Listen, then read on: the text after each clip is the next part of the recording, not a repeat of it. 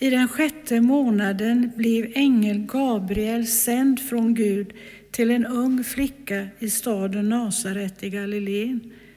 Hon hade trolovats med en man av Davids släkt som hette Josef och hennes namn var Maria.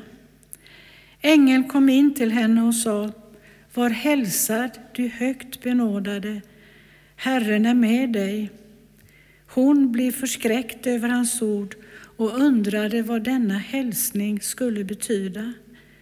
Men då sa ängeln till henne, var inte rädd Maria, du har funnit nåd hos Gud. Du ska bli havande och föda en son och du ska ge honom namnet Jesus.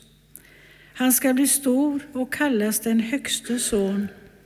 Herren Gud ska ge honom hans fader Davids tron och han ska härska över Jakobs hus för evigt och hans välde ska aldrig ta slut. Maria sa till ängeln, hur ska detta ske? Jag har ju aldrig haft någon man. Men ängeln svarade henne, helig ande ska komma över dig och den Högstes kraft ska vila över dig. Därför ska barnet kallas heligt och Guds son. Och Elisabet, din släkting som också väntar en son, nu på ålderdom, hon som sades vara ofruktsam är nu i sjätte månaden, ty ingenting är omöjligt för Gud. Och Maria hon sa, jag är Herrens tjänarinna, må det ske med mig som du har sagt. Och ängel lämnade henne. Och precis som Ove sa så är temat den här söndagen Guds mäktiga verk på Marieby Bådesudan. Och nu har vi också hört texten om hur Maria fick besök av ängeln Gabriel. Och jag tänker att frågan hos många, så också hos mig, varför väljer Gud en tonåring som mamma till sin son och en, inte en etablerad kvinna i mogen ålder som kommit längre i sitt liv i både mognad och erfarenheter? Och jag tror att det finns många tankar och förklaringar till detta. Gud vill visa att det är inte det som, är, som i mänskliga ögon är det perfekta och tillrättalagda som gäller, utan han ser längre än så. Ungdom är inget hinder, ens om det är en tonåring som är mitt i förändring, både kroppsligt och för övrigt på språng in i vuxenlivet Armar och ben, känslor upp och ner i ett virrvarr. En liten människa och en stor plan läste jag som överskrift till tankar en kollega till mig hade formulerat och jag tyckte om dem. Att Maria var liten handlar ju om hennes ringa ålder. För mig var hon verkligen ingen liten människa utan en stor sådan inuti. Hon vågade ifrågasätta innan hon svarade ja. Och här spelade åldern ingen roll, utan hennes storhet i att våga anta utmaningen som absolut inte var enkel. Kan tänka att hennes känslor var en mix av både glädje och oro. Hur skulle hon, som var så ung, klara av att bli mor? Frågan fanns där. Vågade hon ta på sig ansvaret? Kanske skulle hon ännu kunna välja bort moderskapet. Ja, frågorna är många, tänker jag. Är det rätt att sätta barn till denna värld som fylls av oro? Och jag tänker det är en oro som vi många brottas med också idag.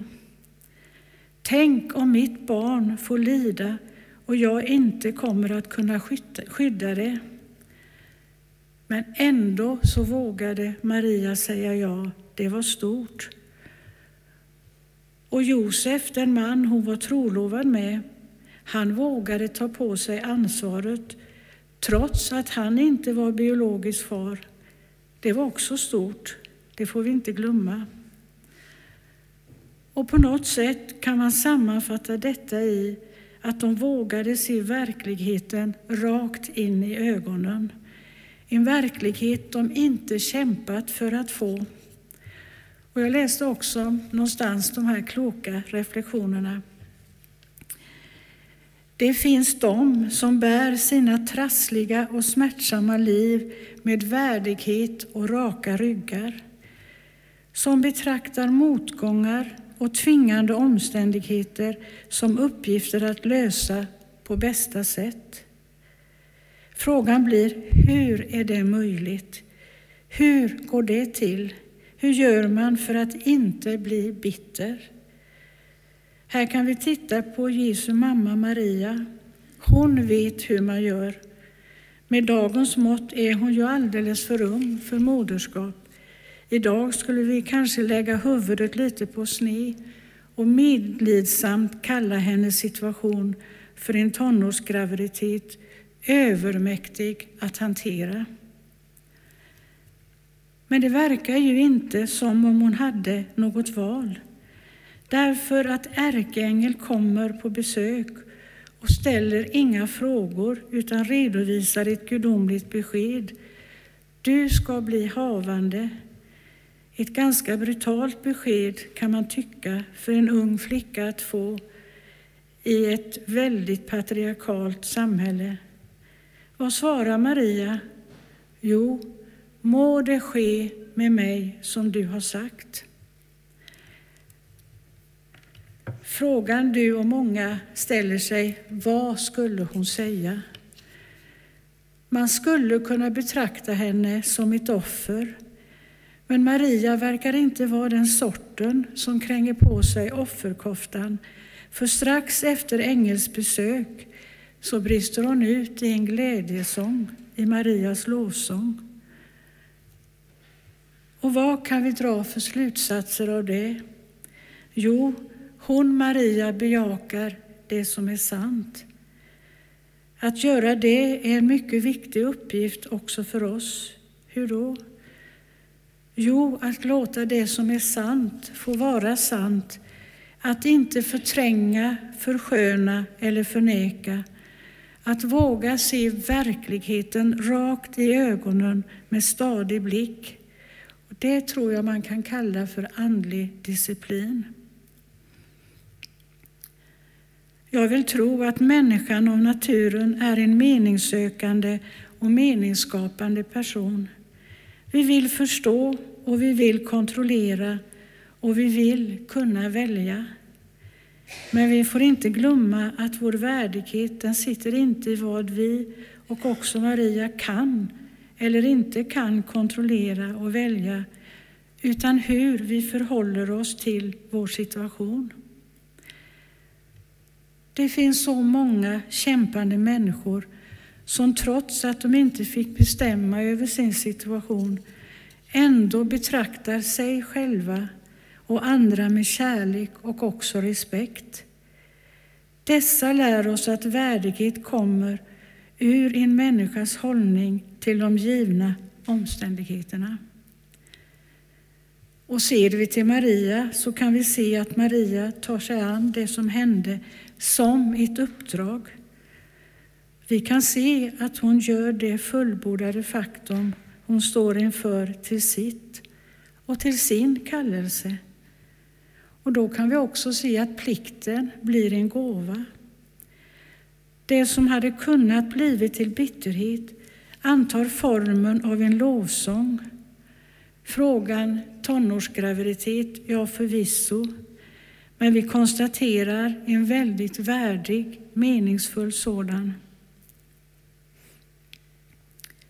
Jag tror att den allra värsta ensamheten för en människa är nog upplevelsen av att inte få betyda något för någon.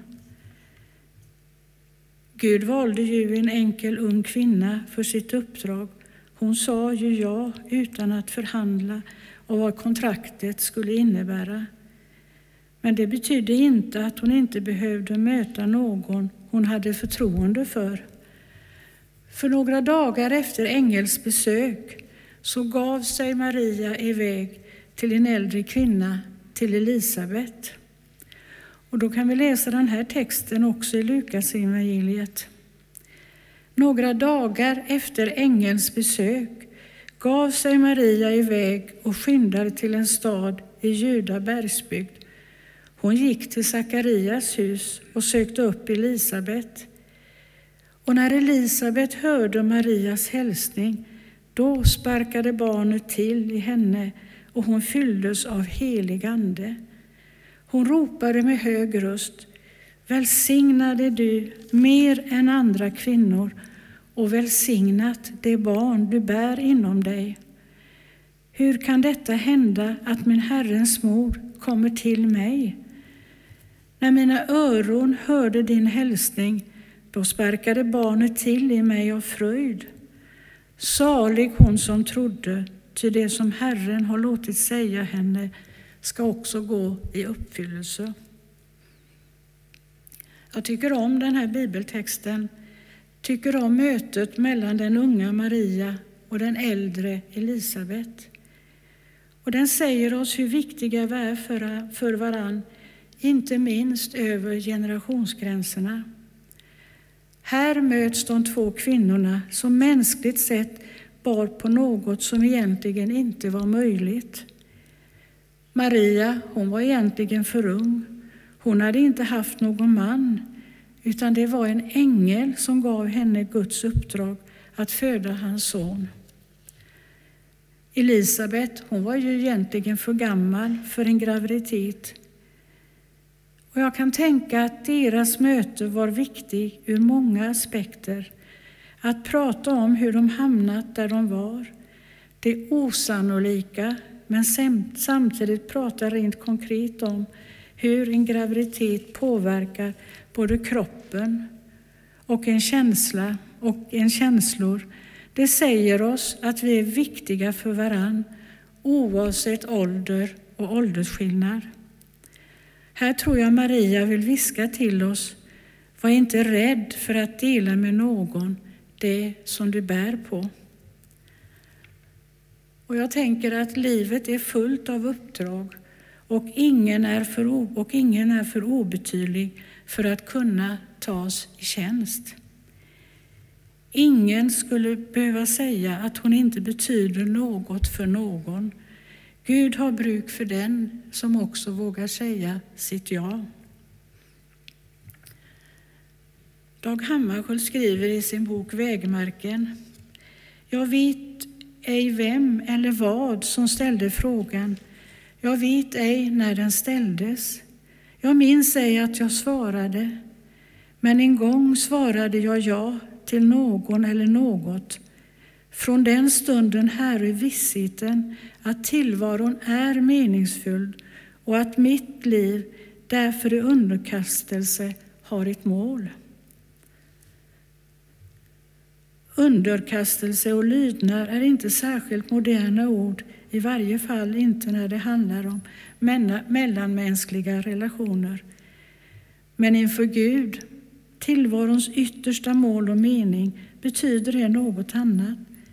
För det finns en mening som är större än min egen och jag finns till i ett sammanhang som är större än jag själv är. Och det ger en väldig trygghet. Det är inte jag som är centrum i livet, utan Gud. Gud hade en mening med Marias liv och Gud har en mening med mitt liv också och också med ditt. Jag vill läsa några avslutande ord som prästen Ludvig Lindelöf, en god vän till mig, skrev i en krönika i kyrkans tidning denna veckan. Den berörde mig och jag vill avsluta mina tankar med en liten del av den. Han skrev bland annat Bebådelsen firar vi nio månader innan jul, men vi firar den mitt i fastan. Även om den blickar fram mot födelsen så är det här och nu vi firar den, mitt i den ökenvandring när kyrkan tar sig upp till Jerusalem där Jesus ska dö på ett kors. Där Marias son ska lida och dö, där hennes sorg ska bli så stor. En moders sorg över ett förlorat barn, En sorg vi vet går igenom i alla tider. En sorg som just nu går över Ukraina, över flera platser på vår jord, över våra förorter, över alla platser där våldet tar söner och döttrars liv. Det är ju en sorg vi kan se och som fångas i berättelser och också i många konstverk.